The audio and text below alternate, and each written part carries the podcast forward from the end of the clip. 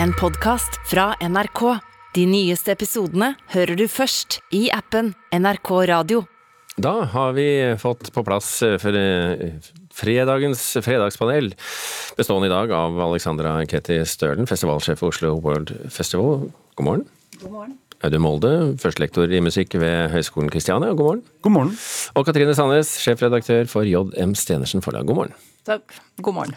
Vi går rett på første spørsmål. Kim Friele, kjent for sin kamp for homofiles rettigheter, døde denne uken. Slik eh, beskriver kulturminister Anette Trettebergstuen henne.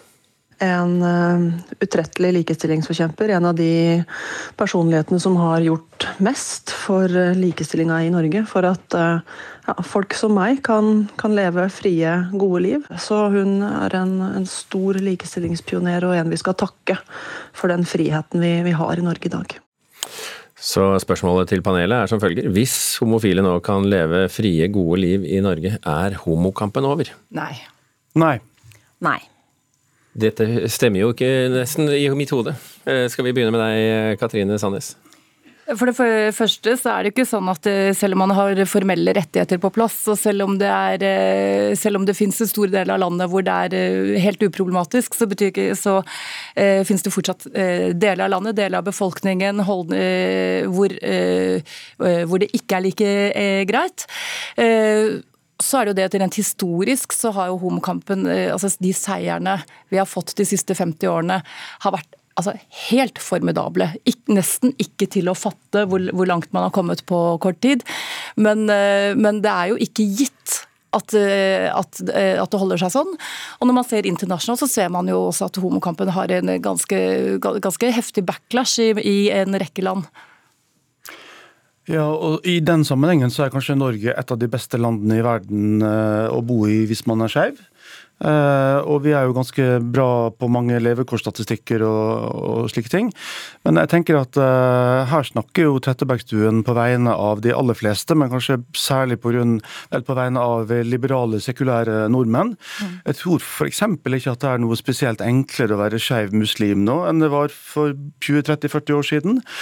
Um, og Vi hadde besøk i Norge ganske nylig av uh, den kvinnelige imamen Seiran Ates, som kjemper for noe så flott og elementært i metode som likestilling for muslimer. Uh, omgitt av uh, vakter og politi og ble presentert her i NRK som den best bevokta kvinnen i Europa. Hvorfor må hun være det? og jeg kan si at her har vi fremdeles et, et patriarkat, og vi har mørkemenn som holder folk på plass. Men jeg vil nok tro at mange av de som jeg karakteriserer sånn, i eget, sin egen verden, bare forsvarer det de mener er helt rett. Homofili er haram. Um, og I den situasjonen så kan man si at den friheten som, som fantastiske Kim Friele kjemper fram, den er viktig og stor for mange, men den er ikke for alle som bor i Norge. Så tenker jeg at hvis, eh, hvis det er en som, som var opptatt av å ja, feire sine seire, men også eh, ikke ta noe for gitt og ikke hvile på sine laurbær, så var det jo nettopp Kim Friele. Og jeg tenker at når du ser at eh, det rundt omkring i verden er 70 land eller 69 land som fortsatt har kriminalisert eh, homofili, og åtte av disse landene får man dødsstraff, så er det absolutt ikke sånn at, kampen er over. Og i Norge så er det jo fortsatt sånn at transpersoner trakasseres, og, det er veldig, veldig Eh, mange som, eh, som ennå ikke kommer på en måte til sin eh, fulle rett. Mm. Du er jo i kontakt med folk fra hele verden som yrke. Er dette noe Er dette en tematikk i din hverdag? Det er absolutt en tematikk, og det som er skummelt er jo å se hvor fort eh, land endrer politikk. ikke sant? At eh, Når du ser på Ungarn og Polen, hvordan, hvor, hva slags rettigheter som var der for fem år siden, og hvor fort hele dette landskapet kan endres hvis man begynner å tenke at nei, men nå er kampen over. Så for vår del så er det absolutt et tema som vi kommer tilbake til, og som vi kommer til å snakke mye om til neste år. To korte kommentarer.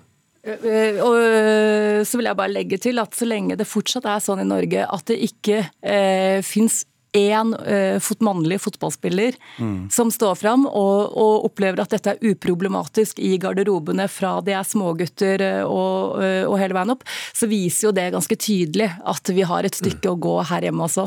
Det ga oss en fin overgang til uh, fotball-VM, som er spørsmål nummer to her i dag. fordi at denne uken så ble jo NRK-journalistene Halvor Ekeland og Lukman Gorbari arrestert av politiet i Qatar.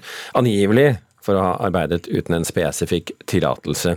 De to var arrestert i 30 timer og satt flere timer på glattcelle.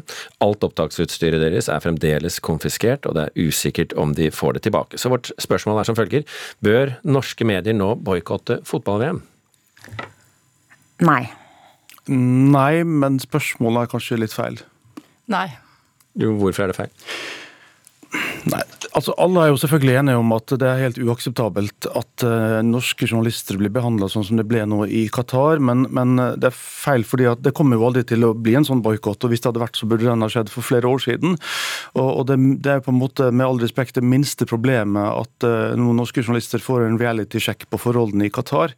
Hvor, hvor, uakseptabelt er det ikke at uh, arbeidere behandles på den måten i Qatar? Hvor uakseptabelt er det ikke at pengegriske pampemenn i Fifa har blitt korrumpert og ødelagt eh, sin sport. Hvor uakseptabelt er det ikke at eh, ifølge The Guardian 37 mennesker har dødd mens de har bygd disse anleggene. Um, og at vi lar det holde på. Og hvor uakseptabelt, uh, uakseptabelt er det ikke at du har et regime som importerer fremmedarbeidere fra Afrika og Asia. Og hvor uakseptabelt er det ikke at neste år så kommer alle norske sportsjournalister til å juble og heie Uh, og jeg kommer til å digge det og sitte og se på TV, for jeg er veldig glad i fotball-VM. Her snakker vi om et klokkeklart paradoks, uh, Alexandra. Ja, absolutt. Eh, jeg tenker at problemet ligger selvfølgelig, som vi sikkert alle er enige om, i Fifa og i fotballverden, at man tildeler, tildeler store sportsarrangement og, VM til land som Qatar. Det burde jo aldri vært gjort i utgangspunktet. Uh, men så vil jeg også si at, det, at hvis man skulle tenke at norsk presse skal boikotte VM, så har det absolutt null effekt. Jeg tenker at eh, det blir som at Argentina skal eh, boikotte langrenn-VM. Det er liksom who cares? Så det som man eh, derimot bør tenke, er jo at det kanskje er det aller viktigste VM norske journalister kan dra og dekke, fordi at man har muligheten, forhåpentligvis, da, hvis man ikke blir satt på glattcelle, til å lage litt andre typer saker enn bare de gladsakene fra VM. Særlig når man ikke har et eget landslag, kanskje, med Eh, på mesterskapet. Mm. Så jeg mener at man ikke bør boikotte det som, som journalist.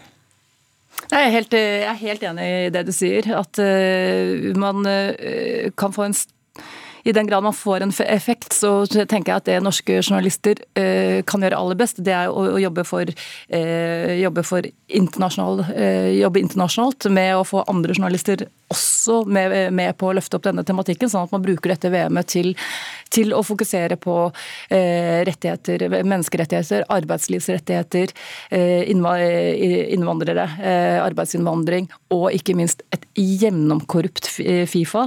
Men har du tro på at det eh, kommer til å skje i jubelen over fotballens herlighet?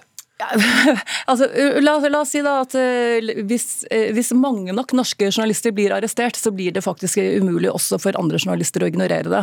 Så, sånn sett kan man si at Det beste som kan skje, det er at norske journalister reiser ned, er så kritiske at de arresterer 20 stykker. Men følg med de neste dagene, for nå er det jo en eh, fyr fra Lommedalen som spiller sjakk i Dubai. Eh, et regime som ligner ganske mye på Qatar, og som ifølge Raftostiftelsen i går er en versting når det gjelder menneskerettigheter. Følg med på hvor mye norsk presse kommer til å juble og dekke vegg til vegg denne karen som spiller sjakk, og sjekk hvor mye kritisk nyhetsjournalistikk vi får. Så det vi trenger er jo ikke uh, unison jubel uh, for uh, sporten, men vi trenger nå litt kritisk nyhetsjournalistikk på det som foregår her. Mye mer av det. Altså er jo dilemmaet alltid når man skal eh, dekke saker i land med veldig presset eller lite pressefrihet, at man på en måte ikke får tilgang, eh, sånn at sakene på en måte ikke kommer ut. da. Vi har mange modige journalister, men, eh, men, vi får håpe at man får tilgang til å lage de sakene man, man ønsker seg. Vi hopper til et musikkspørsmål.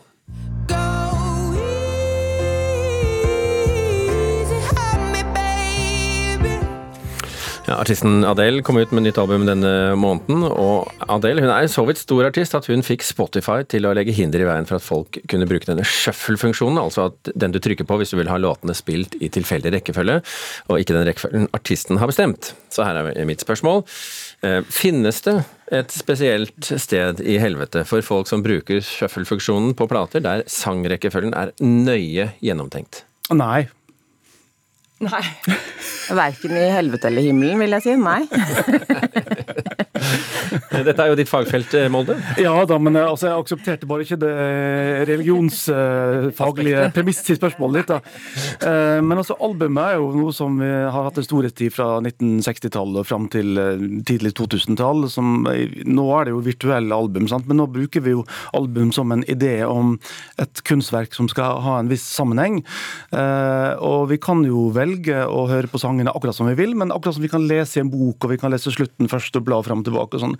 Men som Adele, du sikkert veldig ofte gjør. Ja, men Adele jo, sitt, sitt poeng er jo at hun gjerne vil at det skal høres i den rekkefølgen som hun har bestemt, akkurat som det er fint å lese en bok i den rekkefølgen forfatteren har bestemt. Så hun har jo en tapt kamp, men en veldig god sak. Jeg er helt, helt enig i dette. Takk skal du ha. Eh, Alexandra? Nei, altså jeg er helt enig, jeg òg. Og man savner jo Altså er det noe man savner, så er det jo å sitte og høre på en LP eller en CD, og det kan man gjøre på Spotify. Men man gjør det ikke, fordi det er for fristende å bytte låter. Altså Man blir så utålmodig. Så, jeg gjør det hele tida. Jeg er avvent med shuffle-knappen. Ja, Nei, men eh, jeg, jeg, jeg, gjør faktisk ikke det. Men det er noen plater er favorittplater som du hører gjennom hele, og det er en fantastisk opplevelse. Så det at det, mm. man får mindre fristelser, at det lille ikonet er på playcapen. Med mine tenåringsdøtre som har eller oppdaget, eh, den gamle vinylplata. Eh, og kjøper jo, kjøper jo de, nye, de nye, eller gamle album på, på vinyl. Og opplever det å høre de i den rekkefølgen, og snu plata som en ny måte å oppdage, oppdage gamle gamle favorittlåter på. Ja, men Spiller de de to først og side én etterpå, da? Nei, ja, nei det, det kan, jeg tror de, de spiller den faktisk, ja, ja. begge, begge sine. Mens vi, vi satt jo hoppet hoppet mellom og hoppet over låter og løfta stiften. Ja, ja. men, men, er det ikke eh, også et spørsmål om å ha respekt for uh, kunstverkets idé? Jo, det kan du si, men jeg tenker jo også at det er litt for viderekommende. Eh, for så vidt. Og det er, det er ikke alle som Hvis du tar novellesamling av Kjell Askelsen, eh, du, kan, du, kan, fint velge å lese ene novelle. Eh, og så kan du hoppe fram og tilbake. Og så vil du ha en annen leseropplevelse om du leser, om du leser den fra, fra begynnelse til, eh, til slutt. Men hvorfor er da dette en god sak, eh, Audun Molde? Fordi at hun står opp og forsvarer kunsten, og hun får Spotify til å endre atferd, og gratulerer med det. sant? Men det er jo lytteren som bestemmer til slutt hvordan vi vil konsumere kultur. Og, og jeg tenker at det har ikke noe med respekt å gjøre, egentlig, men det har med min opplevelse. Altså Hvis jeg har lyst til å hoppe og høre sanger, så gjør jeg det. Og av og til så har jeg lyst til å fordype meg i et kunstverk, og da velger jeg å gjøre det. Mm. Alexandra, du jobber med musikk hver eneste dag, eh, snakker med artister hver eneste dag. Er artistene fornøyd med at når de har laget sitt produkt og, og slipper det til publikum, så kan de gjøre med det hva de vil? Jeg tror det kommer litt an på, men eh, jeg tror nok at artist, jeg tror nok f.eks. en artist som Rosalia, når hennes Malamente-plate kom ut, så var det en, det er en helt fantastisk album. Altså, det er så gjennomtenkt. Hun har jobba så mye med hele hele den reisen, på en måte. Så jeg tror hvis man tar seg tid til å høre gjennom gjennom sånne typer plater som virkelig har det i seg, så er det noe helt spesielt. Men så er det selvfølgelig veldig mange som bare ga ut den ene låta.